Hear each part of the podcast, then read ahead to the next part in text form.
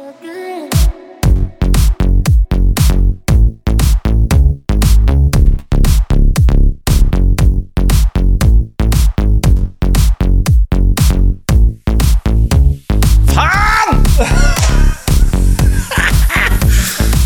og velkommen tilbake til Si det som det er, podkasten der hvor vi skal eh, snakke om business og litt privatliv. Mitt navn er Ole, og jeg har fortsatt med meg Remi. Hei, du. Halla. Du, Remi, siden sist, er det noe, er det noe spennende som har skjedd? Ja, kanskje ikke så mye spennende. Hva med deg? Noe nytt? Ja, det er eh, Vi hadde jo et eh, personalmøte som, eh, som vi har venta lenge nok på. Ja, den kan vi ta med. Ja, skulle vel strengt tatt tatt det for et par uker siden. Men det var jo på høy tid nå å fortelle de ansatte hva det innebærer å drive et firma. Spesielt innenfor bygg og anlegg. Fordi vi har utrolig mange utgifter, og da må også inntektene være i tråd med det. Eh, og vi snakka jo veldig mye om eh, systematikk og teknikk og små detaljer som kan effektivisere jobbinga, da. Som gjør at eh, antall timer per prosjekt går ned. Og det tror jeg landa i god jord. Ja, jeg tror, det, jeg tror det var ganske lurt. Vi ser jo, for det Én ting er jo når vi henter jobbene og, og priser dem med, med en god margin, så er det fremdeles viktig at eh, selve jobben eh, blir utført relativt profitabelt. Da, for det, det, det er grunnen til at vi driver business. skal jo, Vi skal jo tjene penger.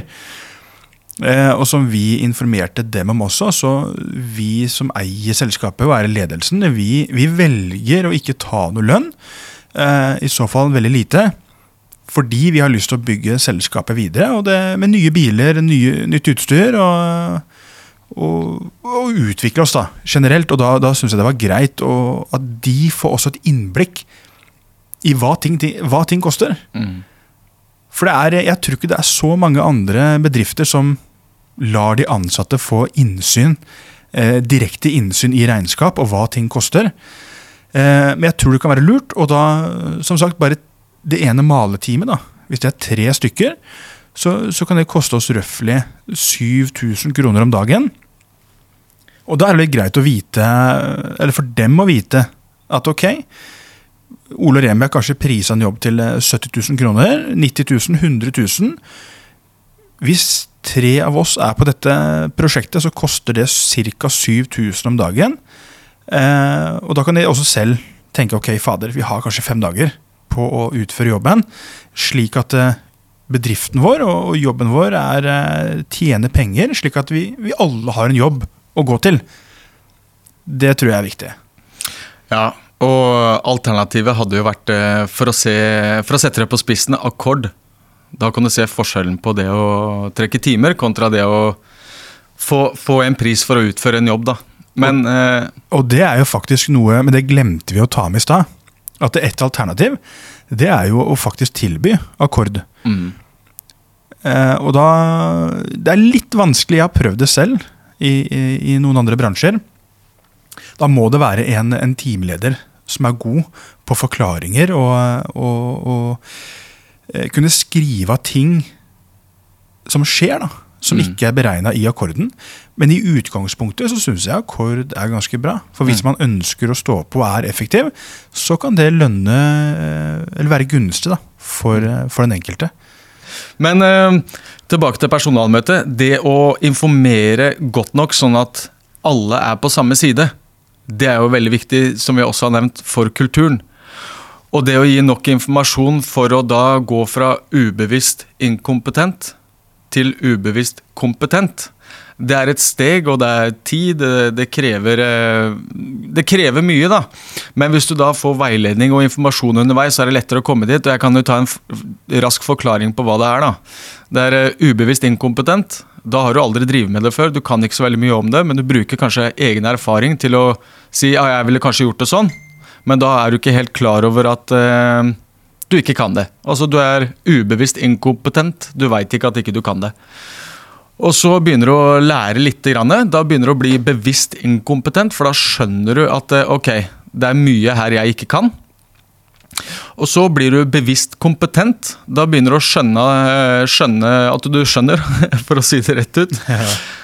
Og alt fra kommer jo veldig an på bransje, da, men alt fra seks måneder til seks år, så blir du da til ubevisst kompetent. Da kan du basically gjøre det i søvne. Latent i ryggraden. Ja, og det merker vi også når vi er ute på prosjekter, når vi skal prise ting. Ja, det er faen meg sant. Altså, jeg kan eh, Hvis jeg våkner av en telefon, da, ikke at det skjer, tre på natta ah, 'Jeg har det og det, jeg trenger å få av det. Hva koster sånn cirkapris på det?' Så bam!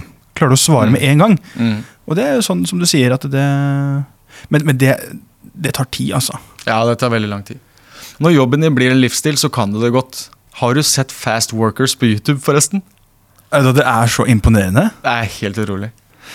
Men det er eh, Ja. Så du kan ikke, du kan ikke komme inn til eh, en eh, street food-dame på, på 70 år nede i Vietnam og tro at du kan kappe en vannmelon raskere enn hun. Da er du ubevisst inkompetent, for da skjønner du ikke at ikke du kan det. ja, ja, ja. Nei, Men, men bra. Det, nå har vi jo tatt eh, å si personalmøte. Mm. Det er jo for så vidt ganske greit. Er det noe annet som har skjedd siden siste? Ja, ja, jeg har eh, come to a realization. Hva er det på norsk? Jeg har, inn, jeg har innsett noe. Ja. Jeg er en konsumerkropp som har våkna. Å ja, Ja. fortell. Ja, jo, for at eh, Jeg har alltid ønska meg Fra da jeg var liten, så husker jeg Lamborghini Diablo var, var mitt første liksom sånn store mål og et ønske. da. Eh, og jo eldre jeg blei, så var det bare mer ting jeg ville. Jeg ville ha fritid, jeg ville reise, jeg ville ha bil, jeg ville ha hus. Og det er jo konsumer, for du bruker jo penger for å benytte deg av et produkt eller en tjeneste. Ja. Men så har jeg våkna, som sagt. Eh, jeg har skjønt det at det, en, en drøm er et mål uten en plan. Så det å ha en plan gjør et mål eh, virkelig.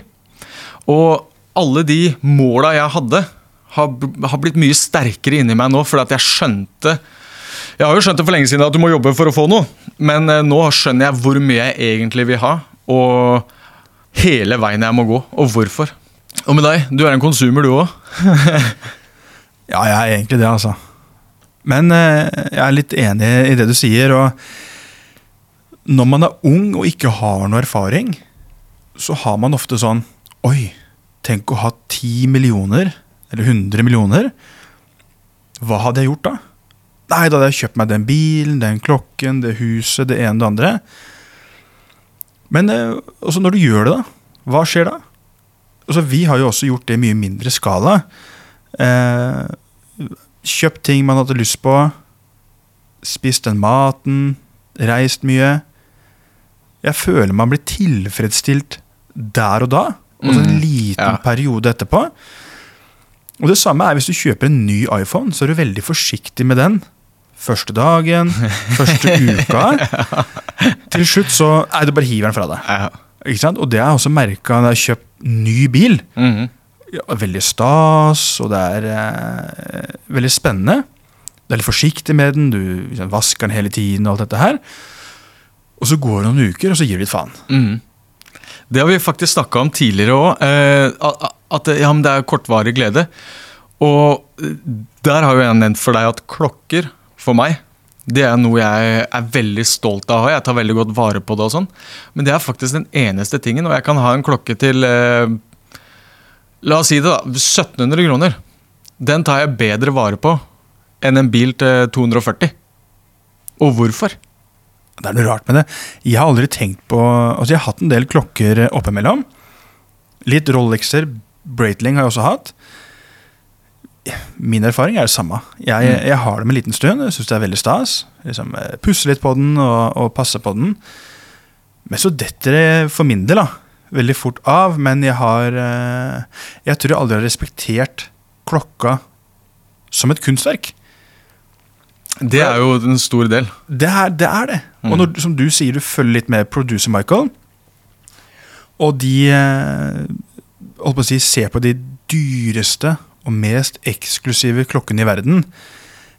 Og, og du da får et innsyn da, i, i hva som trengs, og hvor mange timer spesialdiamanter, alt dette her som trengs da, eh, for å sette sammen dette her. Altså, det er jo et kunstverk. Mm. Så du basically kjøper et, eh, et maleri, da. Mm. Bare du har det på, på håndleddet ditt. Det er et kunstverk. Eh, og da gir det litt mer mening. Mm. Og du pælmer ikke et maleri på bordet, Nei. men det gjør du med klokka. Ja. Og, men det er faktisk eh, jævlig bra at du nevnte hva det krever. fordi at du kan tenke deg hvis du, de klokkene producer Michael er borti, da, la oss si Astronomian, som koster da 10 millioner norske kroner. Eh, Ja, den starter vel på 10 millioner norske Ja, kroner. den, den gjør det.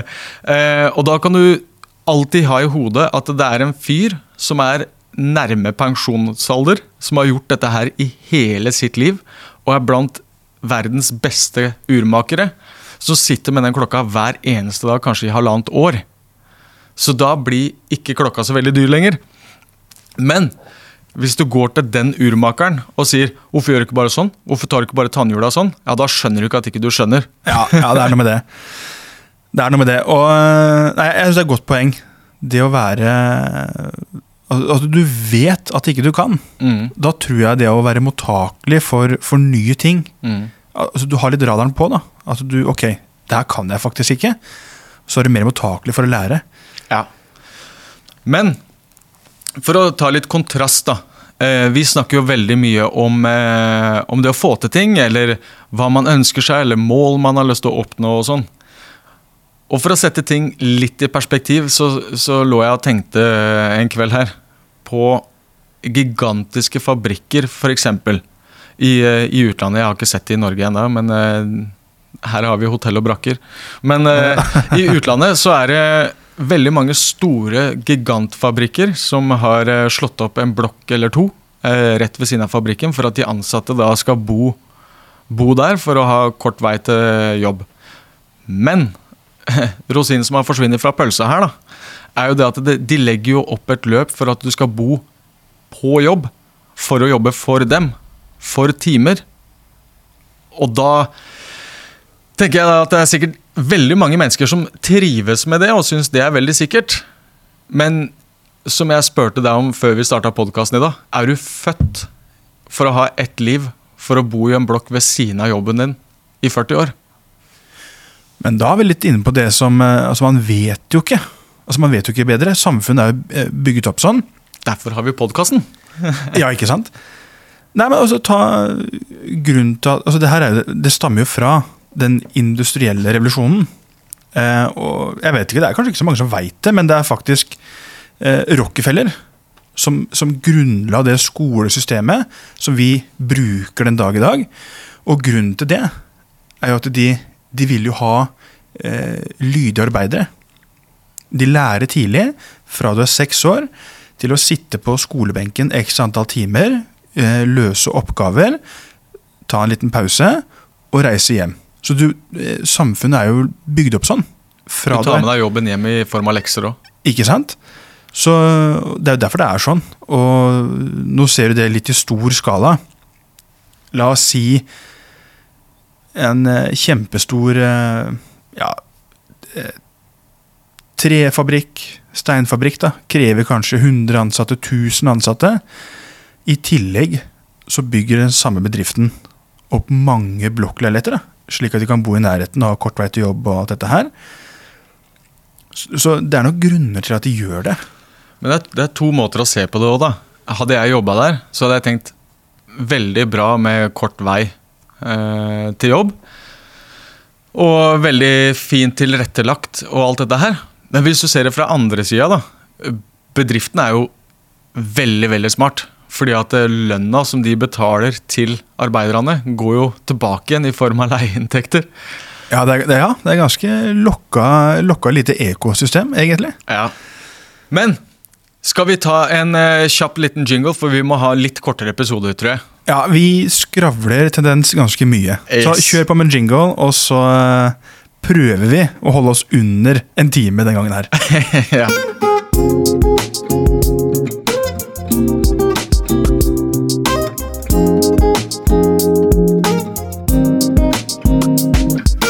Oh yes. Og da tenkte jeg faktisk å gyve løs på en bokstav. Å, Ja, Den har ikke jeg nevnt for deg. nei, Det er uh, U. U. Ja, Kan du tenke deg hvorfor jeg har lyst til å snakke om U? Ja, nå skyter jeg rett fra hofta. Negativt. Yes. En negativ bokstav? Yes. Ja, akkurat det det er. Og vi, eh, vi tenker jo veldig mye på det å bevege seg ut av komfortsonen. Ja. Ut av lageret. Starte et eh, enkeltpersonsforetak, f.eks. Eh, begynne med å bevege seg ut av komfortsonen. For hvis det er ukomfortabelt, så er det ubehagelig. Og da blir du usikker, og da kan det bli utfordrende. Og det er utrygt. Og da blir du utålmodig, og så kanskje du blir en unnasluntrer. Oi! Yes. Så alle ting som eh, du kan plassere U foran, hvis ikke du skal si 'utrolig bra', da. Så ord du kan sette U foran, der kommer reptilhjernen inn. Fight or flight. Ok. Har du tenkt på det før? Nei, ikke egentlig. Så det, når du er ukomfortabel, det er da du virkelig lærer, da. Ja, Det er det jeg syns er litt interessant. Og jeg tror når du blir bevisst på det, at oi, når jeg faktisk stikker hodet ut av dette skilpaddeskallet, og, og, og kjenner på de følelsene at det fader, nå skal jeg inn i et møte, jeg har ikke forberedt meg. Eh, og så når du pusher, pusher deg selv, det er da du virkelig lærer, og så kjenner du deg sjøl. Utfordrer deg selv. Eh, når jeg, når jeg si, skjønte det, så gjør jeg det hele tiden. Ikke sant? Hele tiden. Du blir avhengig? Ja, blir, ja det, du blir litt avhengig. Ja. Så jeg, jeg syns det er veldig interessant. Men, men, det, men det er veldig skummelt. Ja. Det er veldig skummelt. Så det det er mange som ikke eh, fikser det, og, og syns det er hardt. Men eh, bare gjør det. Kjør på. Utafor komfortsonen, det er der du lærer. Og utvikler deg selv. Ta for eksempel eh, fallskjermhopp, da. Tenk deg så mange som drømmer om fallskjermhopp. Gruer seg, er nervøse. Det er også De skjelver i buksa, svetter, skvetter litt, og det er, det er ubehagelig. Og så hopper de, lander på bakken, slutter aldri å snakke om det. Det var så kult. ikke sant? Du turte å ta steget utafor. Ja, Det er rart du sier det, for vi satt og så ja, Som sagt, jeg ser jo aldri på TV. Og eh, så, så kona mi sa jo, kom, du må se på ja, Yes! må du se på finalen til Kompani Lauritzen. Det måtte jeg altså se. Ja, vel, greit. Og så fikk jeg en kjapp eh, forklaring på hva det er, og, og, og, og hva det gjelder. Eh, og da, i finalen, da, så skulle det da hive seg ut av et fly. Og da sitter jeg hjemme i sofaen bare Å, fy fader. Det vet jeg ikke om jeg hadde tørt, altså. Men, eh, men eh, litt sånn som du sier. Ok, det er kjempeskummelt. Du står eh, i et fly med en dør som er åpen, og skal hive deg ut fra et fly og satse på at eh, fallskjermen løsner når den skal, og at du lander trygt på bakken. Mm. Men tenk deg den opplevelsen. Altså, de hoppet ut fra flyet, og så måtte de telle til fire, Fire, fire, sekunder. Ja. Fly! Ja, for da, da hadde jo eh, eh, fallskjermen eh, utløst seg på riktig måte, og de skjønte at ok, nå er det si, relativt trygt. da. Nå. Ja, nå kommer jeg til bare å dale ned. Tenk deg den følelsen. Når du flyr der oppe og, og ser ned. Det må være en spesiell opplevelse. Ja. Og når du lander på bakken og bare Oi, det gikk greit. Ja. Dæven, for en følelse. Og tenk deg hopp nummer to. Hvor mye av de kantene som har blitt slipt vekk da? Da er det 'dette her har jeg gjort før', det går bra. Så hopper de ut, og så har de 100 hopp, da. Ja, da er det jo ikke noe stress. Ja, ja, ja. Og nettopp det er jo det vi driver med. Også den, den dealen vi prøver å lande. Mye nervepirrende kan komme spørsmål man må svare på der og da. Du må være selvsikker. Det er mye som skal på plass. Og når det først har gått i boks, supert. Litt lettere neste gang. Og se på den andre sida igjen. Vi må hele tida sammenligne. Det å telle en time, veldig komfortabelt, veldig trygt. Veldig greit, jeg tar en time til. Dette kan jeg. Akkurat det samme prinsippet. Du, første gang du begynte å jobbe, så har du aldri telt en time før.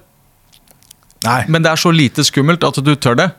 Eh, og det, det, det er samme prinsipp, så har du lyst på dealer eller timer? Jeg vil ha dealer.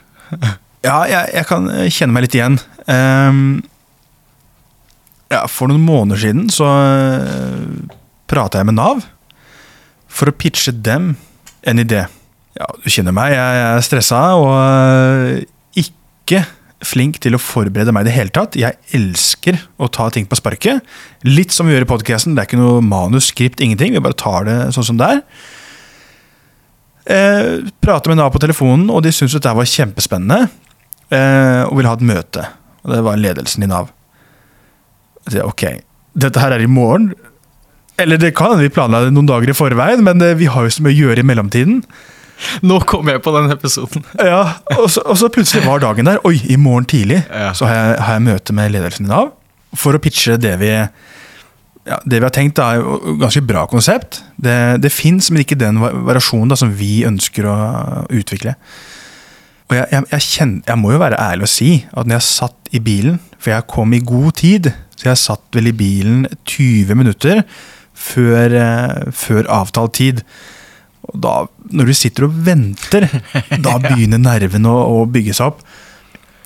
Og så, vet du hva, jeg, eh, og så må du bare finne en indre, en indre motivasjon, og det som sagt, det er barna mine. Jeg er jo alt for dem. Så hvis ting er dritt, er nervøs, er usikker, er langt utenfor komfortsonen, så bruker jeg barna som, eh, som motivasjon og, og et hjelpemiddel. Jeg følte vel kanskje ikke at det hjalp så mye der og da. Jeg fikk kanskje satt eh, nervene litt i sjakk. Som sagt, jeg kommer helt uforberedt inn i møtet, og jeg husker det var to-tre stykker som satt foran meg på et kjempestort bord. Jeg sitter alene på andre siden og skal gjennomføre hele pitchen der og da. Og så bare komme på det eh, spontant. Mm. Dæven, da Men som sagt, eh, et eller annet skjer. Det bare klikker, og så er du i modus. Og det gikk kjempebra. Eh, så det, de har jo egentlig hivd ballen litt over til oss. Ja. Og, men som sagt, det det, det å lage muligheter. Hadde vært smartere, så hadde vi kanskje bygd på det der og da. Men dette er noe som krever Det krever noen millioner eh, til å igangsette. Og så er det ordre som kanskje er i størrelsesordren alt fra, jeg vil tippe alt fra 100 til 400 millioner i året i omsetning. Så det her er store, store kontrakter. Eh, og alt var bare spontant.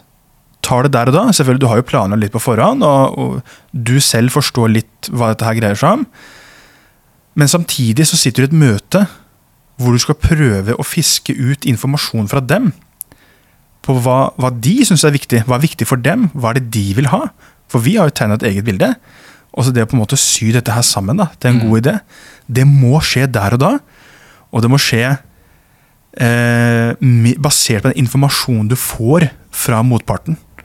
Og da må det være litt kompetent. Da, ja, da må vite skal at du du trenger informasjon først, det er gull verdt, altså. Ja, og det, jeg tror en, en god måte å lære det på, det er eh, det vi gjør hver dag. Hvor vi er på befaringer, vi prater med kunder, vi lærer oss å kjenne forskjellige typer mennesker. Det tror jeg er et, et godt hjelpemiddel. Mm. Når du, når du først skal sitte i sånne store møter og, og prate om hundrevis av millioner. Mm. Altså Det er jo way above our league også, Mm. slik vi opererer nå. Mm. Men eh, det hadde vært utrolig interessant hvis vi nå hadde prioritert det og gått den veien og sett hva som skjedde. Mm. Og staten sier ok, her har dere oppdrag for La oss starte på det laveste, da, siden 100-150 millioner i året. Det er jo ganske stort. Det er det. Men eh, det, det viktigste av det du sa der, som brant seg fast i tankene mine, kanskje fordi at jeg kjenner meg igjen Når du sitter utafor deg, gruer deg så fælt, og du tenker på barna dine, så tenker du ok, value is what you get, price is what you pay.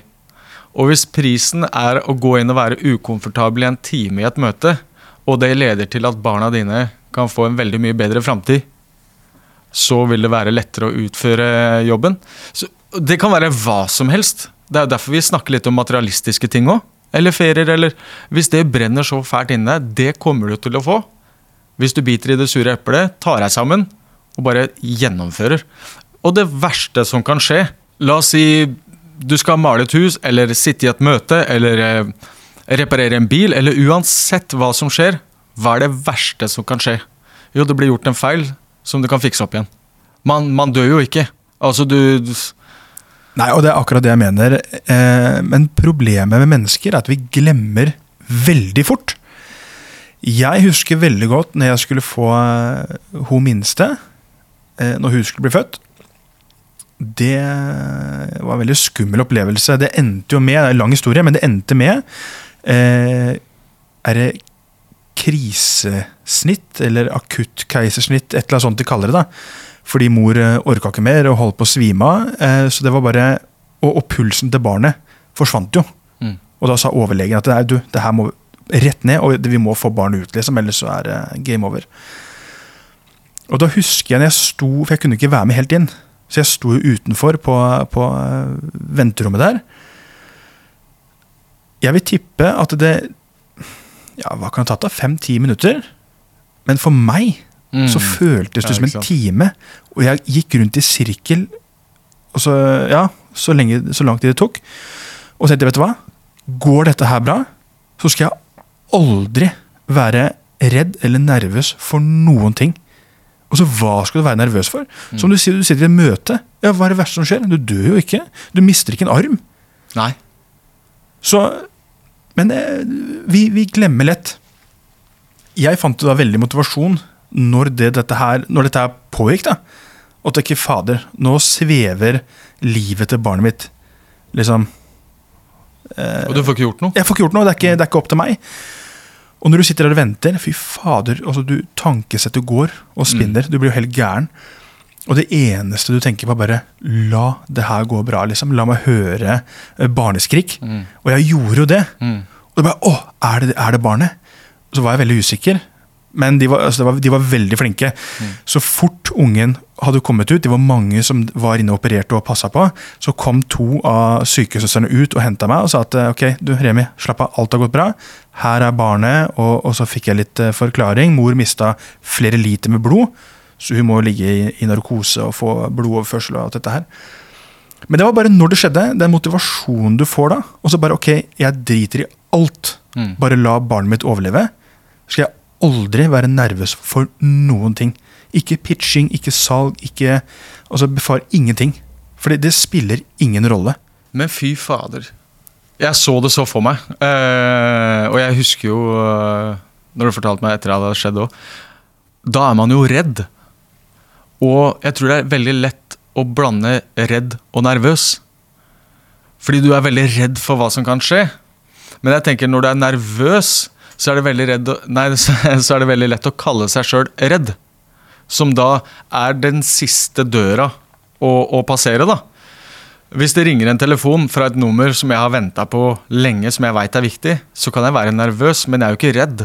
Ikke sant? Ja, det er klart det er to Ja. forskjellige ting. ja. Ja, og hvis jeg veit at uh, dattera mi er på en tur, og så får jeg eh, telefon fra 3312-nummer f.eks., så tenker jeg sjukehus med en gang. ikke sant? Da blir jeg redd. Og det, det, det er litt forskjell, men det å ha det dritt òg Veldig mange sier jeg har angst og depresjon, men det er stor forskjell fra å være deppa og ha eh, depresjon. Ja, det er klart. Veldig stor forskjell. Men skal vi prøve å nå et mål i dag, eller? Hva da? Å ikke sitte i nesten to timer, så vi må kleppe det ned til én time, som allerede er for mye. Du, Jeg er helt enig. La oss ta én siste ting, da. Ja. Et eh, Ja, hva kan det være, da? Kanskje et tips? Jeg tenkte litt på det. Jeg nevnte det kanskje litt i forrige episode. Det Hvis noen har lyst til å starte for seg selv, vet ikke hva de skal drive med, eh, har kanskje en jobb fra før av, som jobber eh, altså de jobber kanskje som snekker, maler, frisør, hva det måtte være, og liker det. Altså, har vi noen tips og råd på hva de kan gjøre for å gjøre det samme, bare for seg sjøl? ja. Første steget før man registrerer noe foretak eller eh, søker noe lån, prøv å fiske ut av sjefen hvordan han gjorde det. Ja, få, få informasjon, rett og slett. Og ikke 'hvordan fikk du til det', eller 'hvordan fikk du til det', men 'hvor mye gikk du på trynet'? Hva Jeg- var det vanskeligste? Ja, jeg kan ta et eksempel. Jeg, jeg valgte å gjøre det, for jeg begynte i tunnel for mange år siden. Og eh, som sagt, tjente jo greit på det, men jeg var mye borte. Men jeg tenkte, fader, vi genererer jo vanvittig med penger til selskapet, og så vil jeg være min egen sjef. Mm. Så det jeg valgte å gjøre, det er litt som du sier, jeg kommer jo veldig godt overens med sjefen, og i starten så var jeg faktisk leid inn som konsulent eh, i det elektrofirmaet her. For de hadde aldri drevet med tunnel før, og, og rehabilitert elektriske. Så jeg, i starten så skulle jeg egentlig bare være der en rotasjon eller to, bare for å igangsette dem, og, for de lå veldig langt etter tidsskjemaet. Så kommer det tips og råd, og, og da ble jo bønnfalt kan du ikke være så snill eh, å være her litt til. Eh, og eventuelt lære opp de gutta som er her, eh, litt teknikker og hvordan de kan gjøre ting på en effektiv måte, for vi, vi ligger litt bak. Og jeg var jo egentlig ferdig med tunnel, men så sa jeg ja, ok, greit, da. Det, vi kan godt gjøre det. Det var eh, Det som skjedde da, var at det var jo én tunnel, og det ledet til neste, og neste der igjen. Eh, og da, som sagt, jeg, litt tidligere, jeg ble jo tilbudt kontrakter her. Eh, prosjektleder, lederstillinger. Eh, jeg syns jo det var jo for så vidt veldig hyggelig. Men jeg sa nei. Det er mye, det er mye reising, og, men jeg, jeg skal starte på et eget selskap. Så det jeg valgte da, er jo å ta all den erfaringen jeg har, den gode kjemien som jeg hadde med eier, deleier og, og dagleder, og si at jeg kan fremdeles hjelpe dere i tunnel, men trenger dere mannskap, så leier dere inn meg. Eh, trenger dere flere, så går de via meg. Mm. For jeg hadde jo allerede nettverk og, og eks-kollegaer som driver i tunnelbransjen, eh, som allerede hadde sagt at ok, Remi, hvis du starter et sånt tunnelfirma, så blir vi gjerne med. Så jeg hadde jo jeg hadde bygd opp dette her litt underveis. Og han syntes jo det var litt trist, for da fikk han jo ikke ansatt meg on payroll. Eh, men fremdeles så, så ble jeg veldig eh, satt pris på, på grunn av at vi fremdeles eh, yter vår Yte Nei, øyt, nei. Vi kunne yte. Kunne yte våre tjenester, da. Fremdeles. Eh, og, det, og det gjorde vi. Og et eksempel på det er at når jeg var ansatt og jobba så mye som jeg gjorde, så kunne jeg tjene sånn 100 150 000 i måneden. Når jeg leide meg selv inn og jobba akkurat det samme, kanskje litt mer, så lå jeg plutselig på en, alt fra 250 til 350 000 i måneden. Og hvis jeg da hadde med egne, et eget mannskap, så vil jeg også profitere på dem, da. Mm. Så det er jo der det i utgangspunktet starta litt for meg, da. Eh, og jeg tenker at folk kan jo dra det over til det de driver med i dag. Og så Det kan jo være at eh, Fredrik, som eh, jobber i et malerfirma, og er veldig genuint interessert i å male, tenker fader, det hadde vært litt kult og litt spennende å, å drive for meg sjøl. Ikke sant? Så han kunne gjort noe av det samme, da, tenker jeg. Prøv å fiske ut litt informasjon fra, fra sjefen på en hyggelig og skånsom måte. Og så kanskje gå over til å leie seg inn i firmaet man er ansatt i, ja, først. Ja, rett og slett. Ja, det var det, var det jeg glemte å si. Ja. For det er, jo, det er jo det nærmeste oppdraget du har. Yes. Eh, men, men da er timing og som du sier, uthenting av informasjon og det å ha et, et godt forhold, at de skjønner at du er en bra mann eller dame som de gjerne vil ha i sitt nettverk, uavhengig om det er på ansattpapiret Mm. eller om de leier inn deg og dine tjenester. Da vil du også bli mer kompetent på å drive for deg sjøl. For da må du fakturere, og jeg skal ikke gå inn på alt sammen. Men da må du gjøre veldig mye du ikke må Ja. som ansatt. Da Men, du bli men mer, da er ballen i gang. Yes, da er ballen i gang. Du vil bli mer kompetent, og så kan du fjerne U-en og si at du er tålmodig. Fordi at du bygger kompetanse.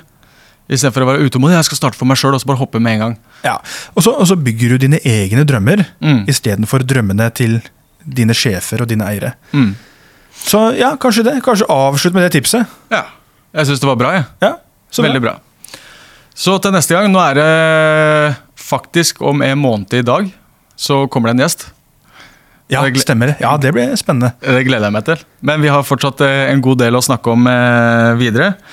Og så skal vi bli flinkere og flinkere på å holde podkastene litt kortere. Mm. All right, så til neste gang, go for it. Vær eh, snill med andre og deg sjøl. Veldig bra. All right. Snakkes! Ha det!